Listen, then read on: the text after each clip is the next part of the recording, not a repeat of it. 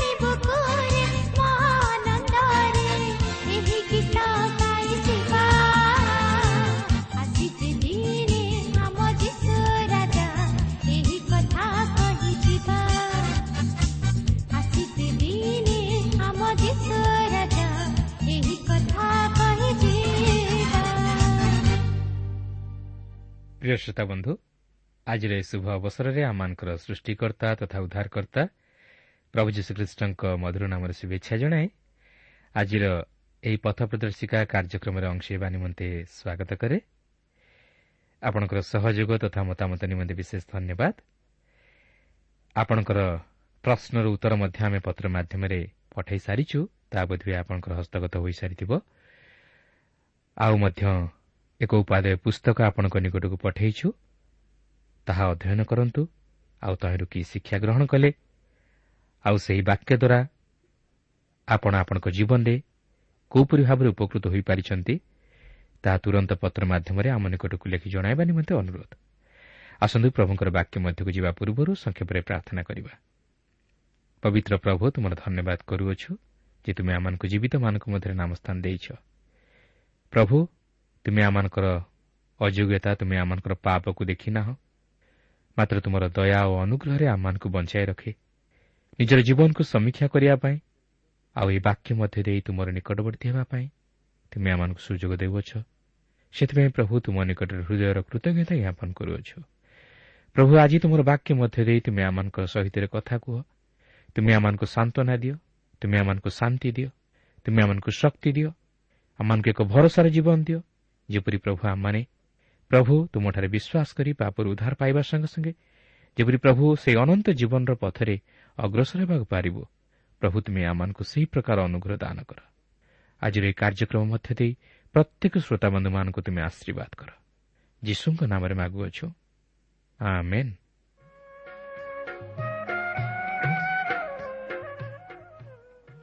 ଆସନ୍ତୁ ବର୍ତ୍ତମାନ ଆମେ ପ୍ରଭୁଙ୍କର ବାକ୍ୟ ମଧ୍ୟକୁ ଯିବା। ଆଜି ଆମେ ଯୌନ ଲିଖିତ ସୁଷମାଚାରର ତିନି ପର୍ବର ବାଇଶ ପଦରୁ ଆରମ୍ଭ କରି ଚାରି ପର୍ବର ଚାରିପଦ ପର୍ଯ୍ୟନ୍ତ ଅଧ୍ୟୟନ କରିବା ନିମନ୍ତେ ଯିବା।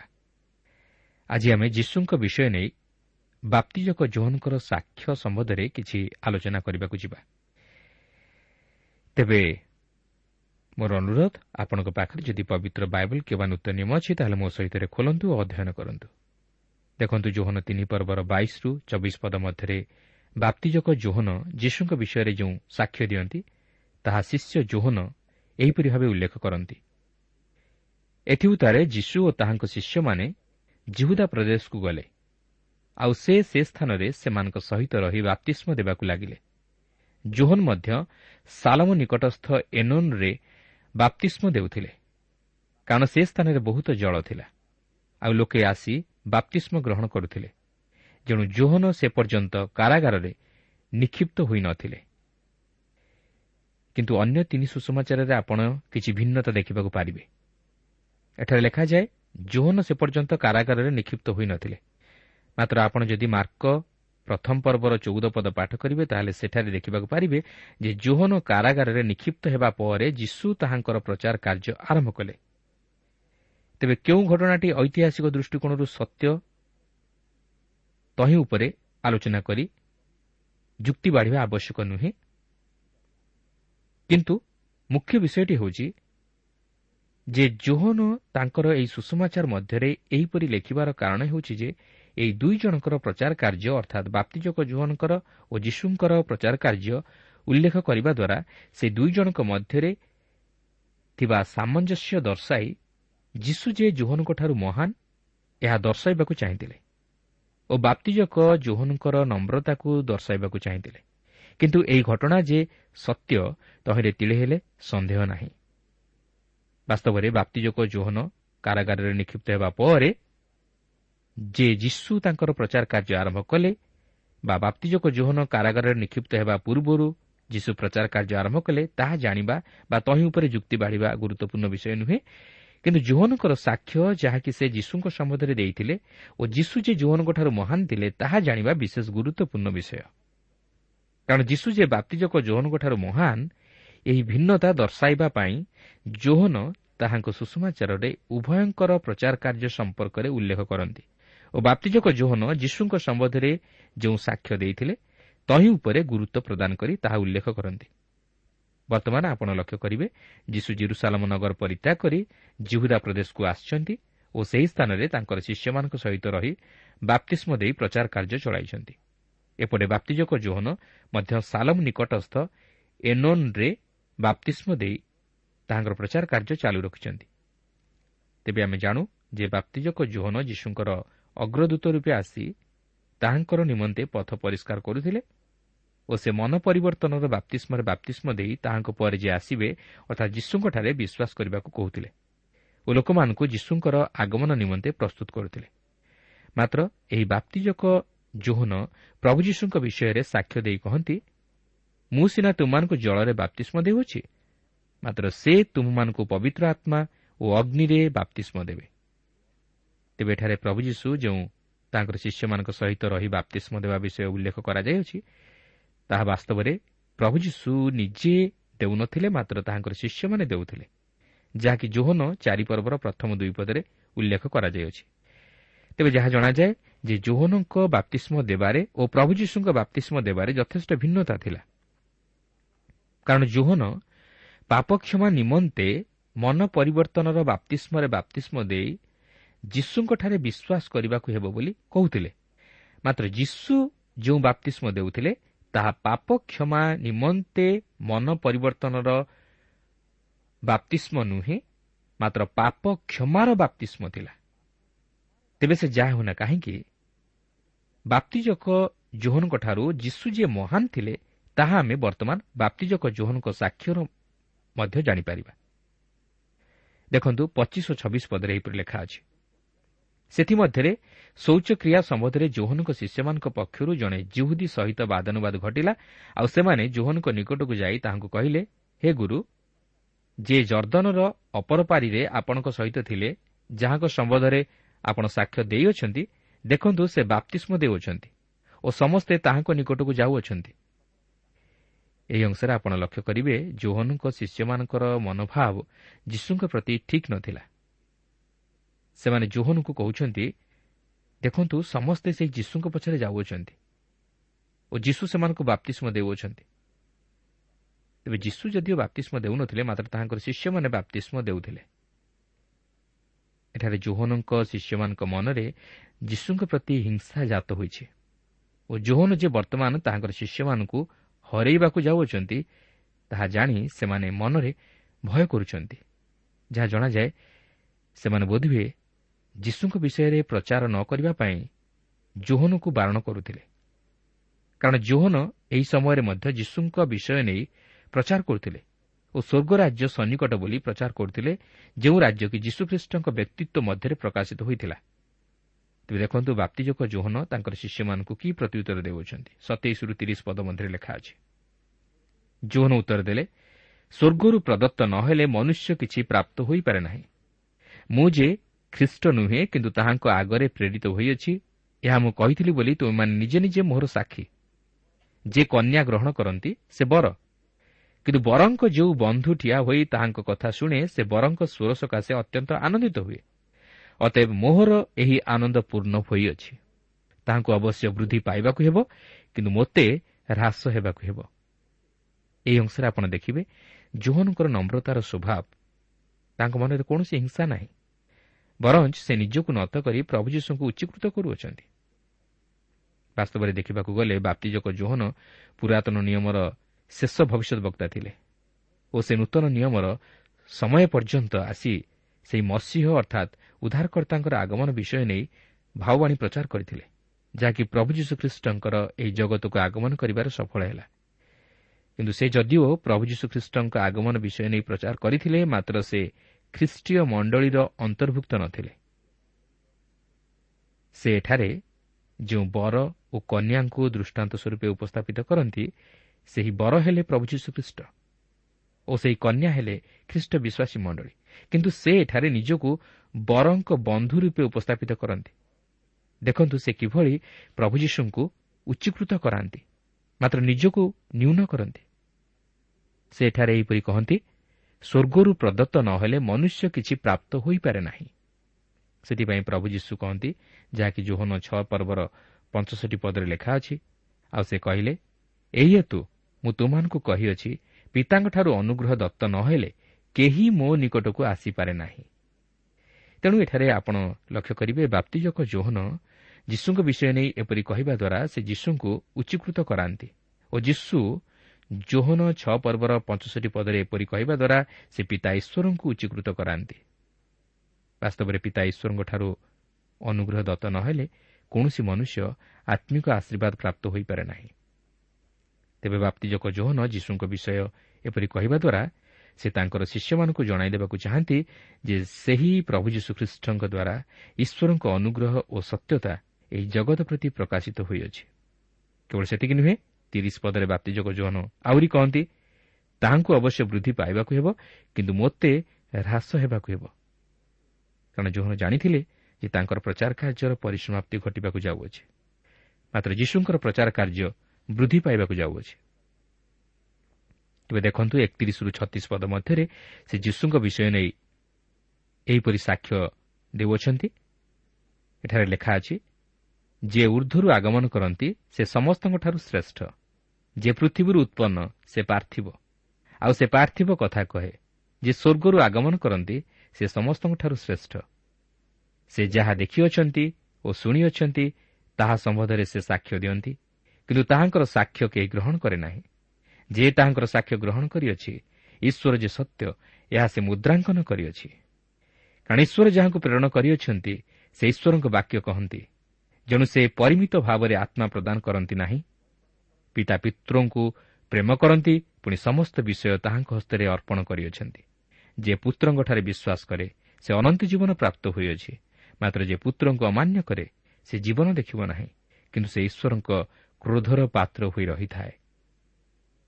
ଦେଖନ୍ତୁ ଏହି ଅଂଶରେ ବାପ୍ତିଯୋଗ ଜୋହନ ଯୀଶୁଙ୍କ ସମ୍ବନ୍ଧରେ କେଡ଼େ ସୁନ୍ଦର ସାକ୍ଷ୍ୟ ଦିଅନ୍ତି। ସେ କହନ୍ତି ଯେ କେହି ପୁତ୍ରଙ୍କଠାରେ ବିଶ୍ୱାସ କରେ ସେ ଅନନ୍ତ ଜୀବନ ପ୍ରାପ୍ତ ହୋଇଅଛି। ବାସ୍ତବରେ ଜୋହନ ଏଠାରେ ସୁଷମାଚାର ପ୍ରଚାର କରନ୍ତି। ସେ କହିବାକୁ ଚାହାନ୍ତି ଯେ ଯେ କେହି ଖ୍ରୀଷ୍ଟଙ୍କଠାରେ ବିଶ୍ୱାସ କରେ ସେ ଅନନ୍ତ ଜୀବନ ପ୍ରାପ୍ତ ହୋଇଅଛି। ମାତ୍ର ଯେ ଅବିଶ୍ୱାସ କରେ ସେ ଈଶ୍ୱରଙ୍କର ବିଚାର ନିମନ୍ତେ ରହିଥାଏ। ପ୍ରିୟ ବନ୍ଧୁ ଆଜି ଆପଣ କାହା ଉପରେ ବିଶ୍ୱାସ କରନ୍ତି? କ'ଣ ନିଜର ଧନ ଉପରେ? ନା ନିଜର ଜ୍ଞାନ ଉପରେ? ନା ନିଜର ପରମ୍ପରାଗତ ପ୍ରଥା ତଥା ରୀତିନୀତି ଉପରେ? ମାତ୍ର ମନୁଷ୍ୟ ଯଦି ବାସ୍ତବରେ ଏକ ମନୁଷ୍ୟ ଭଳି ମନୁଷ୍ୟ ହୋଇ ଜୀବନ ଅତିବାହିତ କରିବାକୁ ଚାହେଁ ଓ ସେହି ଅନନ୍ତ ଜୀବନର ଅଧିକାରୀ ହେବାକୁ ଚାହେଁ ତାହେଲେ ତାହାକୁ ପ୍ରଭୁ ଯୀଶୁ ଖ୍ରୀଷ୍ଟଙ୍କଠାରେ ବିଶ୍ୱାସ କରିବାକୁ ହେବ। କାରଣ ସେ ହେଉଛନ୍ତି ଈଶ୍ୱରଙ୍କର ପ୍ରତିମୂର୍ତ୍ତି ଓ ଈଶ୍ୱର ଖ୍ରୀଷ୍ଟଙ୍କ ମାଧ୍ୟମରେ ହିଁ ଜଗତ ନିକଟରେ ପ୍ରକାଶିତ ହୋଇଅଛନ୍ତି ଓ ତାହାଙ୍କର ସତ୍ୟତା ଓ ଅନୁଗ୍ରହ କେବଳ ଖ୍ରୀଷ୍ଟଙ୍କ ମାଧ୍ୟମରେ ହିଁ ଜଗତ ନିକଟରେ ପ୍ରକାଶିତ ହୋଇଅଛି। ତେଣୁ ଆଜି ଯଦି ଆପଣ ସତ୍ୟ ତଥା ଜୀବନ୍ତ ଈଶ୍ୱରଙ୍କର ପରିଚୟ ପାଇବାକୁ ଚାହାନ୍ତି ତାହେଲେ ଆପଣଙ୍କୁ ପ୍ରଭୁ ଯୀଶୁଖ୍ରୀଷ୍ଟଙ୍କଠାରେ ବିଶ୍ୱାସ କରିବାକୁ ହେବ ଓ ତାହାଙ୍କୁ ନିଜ ହୃଦୟରେ ଉଦ୍ଧାରକର୍ତ୍ତା ରୂପେ ଗ୍ରହଣ କରିବାକୁ ହେବ। କାରଣ ସେ ହିଁ ଏକମାତ୍ର ଜଗତର ଉଦ୍ଧାରକର୍ତ୍ତା ଈଶ୍ୱର। ପ୍ରିୟ ବନ୍ଧୁ ଆଜି ଆପଣ ଈଶ୍ୱରଙ୍କର କ୍ରୋଧର ପାତ୍ର ହୋଇ ରହିବାକୁ ଚାହାନ୍ତି? ନା ଅନୁଗ୍ରହର ପାତ୍ର ହୋଇ ରହିବାକୁ ଚାହାନ୍ତି? ମୁଁ ଭାବୁଛି ଆପଣ ନିଶ୍ଚିତ ଭାବେ ଅନୁଗ୍ରହର ପାତ୍ର ହୋଇ ରହିବାକୁ ଚାହାନ୍ତି। ଆମେ ସମସ୍ତେ ଈଶ୍ୱରଙ୍କର ଆଶୀର୍ବାଦ ଓ ଅନୁଗ୍ରହର ଅଧିକାରୀ ହେବା ପାଇଁ ଚାହୁଁ। ତାହେଲେ ପ୍ରଭୁ ଯୀଶୁଖ୍ରୀଷ୍ଟଙ୍କଠାରେ ବିଶ୍ୱାସ କରି ତାହାଙ୍କୁ ନିଜ ହୃଦୟରେ ଉଦ୍ଧାରକର୍ତ୍ତା ରୂପେ ଗ୍ରହଣ କରନ୍ତୁ। ତାହେଲେ ଆପଣ ଈଶ୍ୱରଙ୍କର ଅନୁଗ୍ରହର ପାତ୍ର ହୋଇପାରିବେ। ତେବେ ଏହିଠାରେ ଆମେ ଜୋହନ ତିନି ପର୍ବଟି ଅଧ୍ୟୟନ କରି ସମାପ୍ତ କଲୁ। ମାତ୍ର ଏହାପରେ ଆମେ ଜୋହନ ଚାରି ପର୍ବ ମଧ୍ୟକୁ ଯିବା। ଏହି ପର୍ବରେ ଆମେ ଏକ ବିଶେଷ ଗୁରୁତ୍ୱପୂର୍ଣ୍ଣ ଘଟଣା ଦେଖିବାକୁ ଯିବା ଯାହାକି ପ୍ରଭୁ ଯୀଶୁ ସେହି ସମୀରଣର ନଗର ଦେଇ ଯିବା ସମୟରେ ଘଟିଥିଲା। ଏହି ଘଟଣାଟି ପ୍ରଭୁ ଯୀଶୁଙ୍କର ପ୍ରଚାର କାର୍ଯ୍ୟର ସମୟ ମଧ୍ୟରେ ଏକ ମହତ୍ୱପୂର୍ଣ୍ଣ ଘଟଣା ଥିଲା। ଦେଖନ୍ତୁ ଚାରି ପର୍ବର ପ୍ରଥମ ତିନି ପଦରେ ଏହିପରି ଲେଖା ଅଛି ଯୀଶୁ ଯେ ଜୋହନଙ୍କ ଅପେକ୍ଷା ଅଧିକ ଶିଷ୍ୟ କରୁଅଛନ୍ତି ଓ ବାପ୍ତିଷ୍ମ ଦେଉଅଛନ୍ତି ଯଦ୍ୟପି ଯୀଶୁ ଆପେ ବାପ୍ତିଷ୍ମ ଦେଉନଥିଲେ ମାତ୍ର ତାହାଙ୍କ ଶିଷ୍ୟମାନେ ଦେଉଥିଲେ ଏହା ଫାରୋସୀମାନେ ଶୁଣିଅଛନ୍ତି ବୋଲି ଯେତେବେଳେ ପ୍ରଭୁ ଜାଣିଲେ ସେତେବେଳେ ସେ ଜିହୁଦା ପ୍ରଦେଶ ପରିତ୍ୟାଗ କରି ପୁନର୍ବାର ଗାଲିଲିକି ପ୍ରସ୍ଥାନ କଲେ। ଏଠାରେ ଆପଣ ଲକ୍ଷ୍ୟ କରିବେ ଯେ ଇତିମଧ୍ୟରେ ଜୋହନ କାରାଗାରରେ ବନ୍ଦୀ ହୋଇଯାଇଛନ୍ତି ମାତ୍ର ଏହି ସମୟରେ ଯୀଶୁ ଜିହୁଦା ପ୍ରଦେଶ ପରିତ୍ୟାଗ କରି ଗାଲିଲିକୁ ପ୍ରସ୍ଥାନ କରିବାକୁ ଉଦ୍ୟତ ହେଉଛନ୍ତି ଓ ସେ ସୁଖାର ନାମକ ସମୀରଣର ଏକ ନଗର ମଧ୍ୟ ଦେଇ ଯାଉଅଛନ୍ତି। କିନ୍ତୁ ଆପଣ ବୋଧହୁଏ ଭାବୁଥିବେ ଯେ ସେ ଫାରୁସିମାନଙ୍କୁ ଭୟ କରି ଜିହୁଦା ପ୍ରଦେଶ ପରିତ୍ୟାଗ କରି ଗାଲିଲିକୁ ଗଲେ ବୋଲି। ମାତ୍ର ସେପରି ନୁହେଁ। ସେ ମନୁଷ୍ୟମାନଙ୍କୁ ଭୟ କରୁନଥିଲେ। ମାତ୍ର ପିତାଙ୍କର ଇଚ୍ଛାକୁ ସାଧନ କରିବାକୁ ଚାହିଁଥିଲେ। ସେ ପିତା ଈଶ୍ୱରଙ୍କର ପ୍ରେରଣା ଓ ଚାଳନା ଅନୁଯାୟୀ କାର୍ଯ୍ୟ କରୁଥିଲେ। କିନ୍ତୁ ସେ ଫାରୁସିମାନଙ୍କର ଶକ୍ତ ଗ୍ରୀବତା ଜାଣି ଓ ସେମାନଙ୍କ ହୃଦୟର ଅସରଳତା ଭାବକୁ ଜାଣି ସେମାନଙ୍କ ସହିତ ଯୁକ୍ତିତର୍କ କରିବାକୁ ପସନ୍ଦ କରୁନଥିଲେ। ଏହି ଅଂଶରେ ସେହି ବାପ୍ତିଷ୍ମ ନେଇ ଫାରୁସିମାନଙ୍କ ସହିତ ସେ ଯୁକ୍ତିତର୍କ କରିବାକୁ ଚାହିଁନଥିଲେ। ତାଛଡ଼ା ସେ ସେମାନଙ୍କୁ ଭୟ କରୁନଥିଲେ ମାତ୍ର ପିତା ଈଶ୍ୱରଙ୍କର ଅଭିମତକୁ ସଫଳ କରିବାକୁ ଚାହୁଁଥିଲେ। କାରଣ ତାହାଙ୍କର ଶତ୍ରୁ ହସ୍ତରେ ସମର୍ପିତ ହେବାର ସମୟ ସେତେବେଳେ ପର୍ଯ୍ୟନ୍ତ ଉପସ୍ଥିତ ହୋଇନଥିଲା ଆପଣ ଦେଖନ୍ତୁ ଜୋହନ ଦଶ ପର୍ବର ସତର ଓ ଅଠର ପଦରେ ଏହିପରି ଲେଖା ଅଛି ମୁଁ ମୋର ପ୍ରାଣଦାନ କରିବାରୁ ପିତା ମୋତେ ପ୍ରେମ କରନ୍ତି। ଆଉ ମୁଁ ମୋର ପ୍ରାଣ ପୁନର୍ବାର ଗ୍ରହଣ କରିବା ନିମନ୍ତେ ତାହା ଦାନ କରେ। କେହି ମୋଠାରୁ ତାହା ନେଇଯାଇ ନାହିଁ। ମାତ୍ର ମୁଁ ଆପେ ତାହା ଦାନ କରେ। ତାହା ଦାନ କରିବାକୁ ମୋର ଅଧିକାର ଅଛି ଓ ତାହା ପୁନର୍ବାର ଗ୍ରହଣ କରିବାକୁ ମୋର ଅଧିକାର ଅଛି। ମୁଁ ମୋର ପିତାଙ୍କଠାରୁ ଏହି ଆଜ୍ଞା ପାଇଅଛି। ତେଣୁକରି ସେ ନିଜର ମୃତ୍ୟୁ ପାଇଁ ଭୟ କରୁନଥିଲେ। ମାତ୍ର ତାହାଙ୍କର ସମୟ ସେ ପର୍ଯ୍ୟନ୍ତ ଆସି ଉପସ୍ଥିତ ହୋଇନଥିବାରୁ ସେ ଈଶ୍ୱରଙ୍କ ଅଭିମତକୁ ସଫଳ କରିବା ନିମନ୍ତେ ଆଗେଇ ଯାଇଥିଲେ। କିନ୍ତୁ ଆପଣ ଯଦି ଜୋହନ ତେର ପର୍ବଟିକୁ ଅଧ୍ୟୟନ କରିବେ ତାହେଲେ ସେଠାରେ ଦେଖିବାକୁ ପାରିବେ ଯେ ତାହାଙ୍କର ସମୟ ସେତେବେଳେ ଉପସ୍ଥିତ ହୋଇଥିଲା। ଦେଖନ୍ତୁ ତେର ପର୍ବର ପ୍ରଥମ ପଦରେ ଏହିପରି ଲେଖା ଅଛି। ନିସ୍ତାର ପର୍ବ ହେବା ପୂର୍ବରୁ ଯୀଶୁ ଏହି ଜଗତରୁ ପିତାଙ୍କ ନିକଟକୁ ଆପଣାର ପ୍ରୟାଣ କରିବାର ସମୟ ଉପସ୍ଥିତ ଜାଣି ଜଗତରେ ଥିବା ନିଜର ଯେଉଁ ଲୋକମାନଙ୍କୁ ସେ ପ୍ରେମ କରି ଆସୁଥିଲେ ସେମାନଙ୍କ ପ୍ରତି ଚୂଡ଼ାନ୍ତ ପ୍ରେମ ପ୍ରକାଶ କଲେ। କିନ୍ତୁ ଆପଣ ଦେଖନ୍ତୁ ଜୋହନ ଚାରି ପର୍ବରେ ତାହାଙ୍କର ସମୟ ସେ ପର୍ଯ୍ୟନ୍ତ ଆସି ଉପସ୍ଥିତ ହୋଇନଥିଲା। ତେଣୁକରି ଆପଣ ଦେଖନ୍ତୁ ଯେ ସେ ଜିହୁଦା ପ୍ରଦେଶ ପରିତ୍ୟାଗ କରି ଗାଲିଲିକୁ ଅଗ୍ରସର ହେଲେ। ଯାହା ଜଣାଯାଏ ସମ୍ଭବତଃ ସେ ସେହି କଫର ନାହମକୁ ଗଲେ। ଯେଉଁ ସ୍ଥାନ କି ତାହାଙ୍କ ପ୍ରଚାର କାର୍ଯ୍ୟର କେନ୍ଦ୍ରସ୍ଥଳୀ ଥିଲା। ତେବେ ସେହି ଗାଲିଲିକୁ ପ୍ରସ୍ଥାନ କରିବା ସମୟରେ ପଥ ମଧ୍ୟରେ ଏକ ଅଦ୍ଭୁତ ଘଟଣା ଘଟିଲା। ସେହି ଘଟଣାଟି କ'ଣ ଆସନ୍ତୁ ତାହା ବର୍ତ୍ତମାନ ଦେଖିବା। ଚାରିପର୍ବର ଚାରିପଦରେ ଲେଖା ଅଛି କିନ୍ତୁ ସମୀରଣ ମଧ୍ୟ ଦେଇ ତାହାଙ୍କୁ ଯିବାକୁ ପଡ଼ିଲା ତେବେ ଏଠାରେ ପ୍ରଶ୍ନ ଉଠେ ଯେ ଯୀଶୁ କାହିଁକି ସମୀରଣ ମଧ୍ୟ ଦେଇ ଗଲେ? କ'ଣ ସେ ଚାହିଁଥିଲେ ଅନ୍ୟ ବାଟ ଦେଇ ଗାଲିଲିକୁ ଯାଇପାରିନଥାନ୍ତେ କି? କାରଣ ଯାହା ଜଣାଯାଏ ଜିହୁଦା ପ୍ରଦେଶରୁ ଗାଲିଲିକୁ ଯିବା ପାଇଁ ପ୍ରାୟ ତିନୋଟି ରାସ୍ତା ଥିଲା। ମାତ୍ର ଏହି ସମୀରଣ ମଧ୍ୟ ଦେଇ ଯିବା ଯଦିଓ ସିଧାସଳଖ ରାସ୍ତା ଥିଲା ମାତ୍ର ଜିହୁଦୀମାନେ ସମୀରଣୀୟମାନଙ୍କୁ ଘୃଣା ଦୃଷ୍ଟିରେ ତଥା ନିଚ ଦୃଷ୍ଟିରେ ଦେଖୁଥିବାରୁ ଓ ସେମାନଙ୍କ ସହିତ ଘୃଣାଭାବ ରଖୁଥିବାରୁ ସେମାନେ ସେହି ସମୀରଣ ମଧ୍ୟ ଦେଇ ଯାଉନଥିଲେ। ମାତ୍ର ସେ ଯାହା ହେଉନା କାହିଁକି ପ୍ରଭୁ ଯୀଶୁ ସେହି ସମୀରଣ ମଧ୍ୟ ଦେଇ ଯାତ୍ରା କଲେ। ତେବେ ସେ ସେହି ସମୀରଣ ମଧ୍ୟ ଦେଇ ଯିବାର ଉଦ୍ଦେଶ୍ୟ ଥିଲା ଯେପରି ଈଶ୍ୱରଙ୍କ ଇଚ୍ଛା ତାଙ୍କ ଜୀବନ ଦ୍ୱାରା ସଫଳ ହୁଏ। କାରଣ ଚଉତିରିଶ ପଦରେ ଲେଖା ଅଛି ଯୀଶୁ ସେମାନଙ୍କୁ କହିଲେ ମୋହର ପ୍ରେରଣକର୍ତ୍ତାଙ୍କ ଇଚ୍ଛା ସାଧନ କରିବା ଓ ତାହାଙ୍କର କାର୍ଯ୍ୟ ସମାପ୍ତ କରିବା ଏହା ହିଁ ମୋହର ଖାଦ୍ୟ। ଯୀଶୁ ସେହି ସମୀରଣ ମଧ୍ୟ ଦେଇ ଯାତ୍ରା କରିଥିଲେ ଯେପରି ସେ ଜଣେ ସ୍ତ୍ରୀକୁ ସାକ୍ଷାତ କରି ତାହାର ଜୀବନକୁ ପାପରୁ ଉଦ୍ଧାର କରିପାରନ୍ତି। କାରଣ ଏହା ହିଁ ଈଶ୍ୱରଙ୍କର ଇଚ୍ଛା ଥିଲା। ତାଛଡ଼ା ଜିହୁଦୀମାନଙ୍କ ଓ ସମୀରଣୀୟମାନଙ୍କ ମଧ୍ୟରେ ଯେଉଁ ଭେଦଭାବ ଥିଲା ତାହାକୁ ବୋଧହୁଏ ଦୂର କରିବା ପାଇଁ ସେ ସେହି ସମୀରଣ ମଧ୍ୟ ଦେଇ ଯାତ୍ରା କରିଥିଲେ। କାରଣ ସେ ପ୍ରତ୍ୟେକଙ୍କୁ ସମଦୃଷ୍ଟିରେ ଦେଖନ୍ତି ଓ ପ୍ରତ୍ୟେକଙ୍କୁ ପ୍ରେମ କରନ୍ତି। ତାଙ୍କ ଦୃଷ୍ଟିରେ ଉଚ୍ଚ ନିଚ ଛୋଟ ବଡ଼ କୌଣସି ପ୍ରକାର ଭେଦଭାବ ନାହିଁ। ଜାତି ଅଜାତି ଧନୀ ଦରିଦ୍ର ଏସବୁର ଭେଦଭାବ ତାହାଙ୍କଠାରେ ନାହିଁ। କାରଣ ସେ ପ୍ରତ୍ୟେକଙ୍କୁ ସୃଷ୍ଟି କରିଅଛନ୍ତି ଓ ପ୍ରତ୍ୟେକଙ୍କୁ ଉଦ୍ଧାର କରିବାକୁ ଚାହାନ୍ତି। ପ୍ରିୟ ବନ୍ଧୁ ସେହି ପ୍ରଭୁ ଯୀଶୁ ଆଜି ମଧ୍ୟ ଆପଣଙ୍କୁ ପାପରୁ ଉଦ୍ଧାର କରିବାକୁ ଚାହାନ୍ତି ଓ ସେ ଆଜି ମଧ୍ୟ ଆପଣଙ୍କୁ ପ୍ରେମ କରନ୍ତି। ତାଙ୍କର ପ୍ରେମରେ କେବେ ହେଲେ ଉଣା ପଡ଼େ ନାହିଁ। ତାଙ୍କର ପ୍ରେମ ନିଷ୍କପଟ ପ୍ରେମ। ତାଙ୍କର ପ୍ରେମ ନିଃସ୍ୱାର୍ଥପର ପ୍ରେମ। ତାଙ୍କର ପ୍ରେମ ଅନାବିଳ ପ୍ରେମ। ତାଙ୍କ ନିକଟରେ କୌଣସିର ପ୍ରଭେଦ ନାହିଁ। ଆପଣ ଯେ କେହି ହୁଅନ୍ତୁ ନା କାହିଁକି ଆପଣଙ୍କୁ ସେ ପାପରୁ ଉଦ୍ଧାର କରିବାକୁ ଚାହାନ୍ତି। ସମାଜ ମଧ୍ୟରେ ଆପଣଙ୍କୁ ଅନେକ ଘୃଣା କରିପାରନ୍ତି ଅନେକ ଆପଣଙ୍କୁ ପାପି ବୋଲି କହି ନିନ୍ଦା ଦେଇପାରନ୍ତି ଅନେକ ଆପଣଙ୍କ ବିରୁଦ୍ଧରେ ଅନେକ ପ୍ରକାର ମନ୍ଦ କଥା କହିପାରନ୍ତି।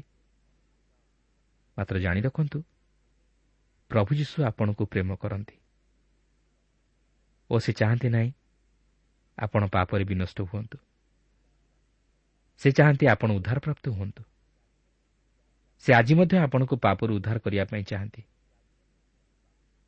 କିନ୍ତୁ ଆପଣ କ'ଣ ତାହାଙ୍କ ନିକଟକୁ ଯିବା ପାଇଁ ଚାହାନ୍ତି କି? ପଛକୁ ଅନାନ୍ତୁ ନାହିଁ। ସମାଜକୁ ଦେଖନ୍ତୁ ନାହିଁ। ଲୋକ ଆପଣଙ୍କୁ କ'ଣ କହିବେ ତାହା ଚିନ୍ତା କରନ୍ତୁ ନାହିଁ। ଯଦି ଆପଣ ସେସବୁକୁ ଚିନ୍ତା କରିବେ ତାହେଲେ ଆପଣ ପ୍ରଭୁ ଯୀଶୁଙ୍କୁ କେବେ ହେଲେ ଗ୍ରହଣ କରିପାରିବେ ନାହିଁ। ତେଣୁ ଆସୁ। ଆମେ ସବୁକିଛି ତାହାଙ୍କୁ ଦେଇ ଏବଂ ନିଜର କଳୁଷିତ ହୃଦୟକୁ ତାହାଙ୍କୁ ଦେଇ ସେହି ହୃଦୟକୁ ସୂଚୀ କରିବା ନିମନ୍ତେ ଚେଷ୍ଟା କରୁ। ଆଉ ସେ ଆମମାନଙ୍କର ସେହି ହୃଦୟକୁ ନେଇ ସୂଚୀ କରି ଆମମାନଙ୍କୁ ତାହାଙ୍କର ଗ୍ରହଣ ଯୋଗ୍ୟ କରିବେ। ତାହେଲେ ଆଜି ହିଁ ତାହା କରନ୍ତୁ। ଓ ପାପରୁ ଉଦ୍ଧାରପ୍ରାପ୍ତ ହୋଇ ଅନନ୍ତ ଜୀବନର ଅଧିକାରୀ ହୁଅନ୍ତୁ। ପ୍ରଭୁ ପ୍ରତ୍ୟେକଙ୍କୁ ଆଶୀର୍ବାଦ କରନ୍ତୁ।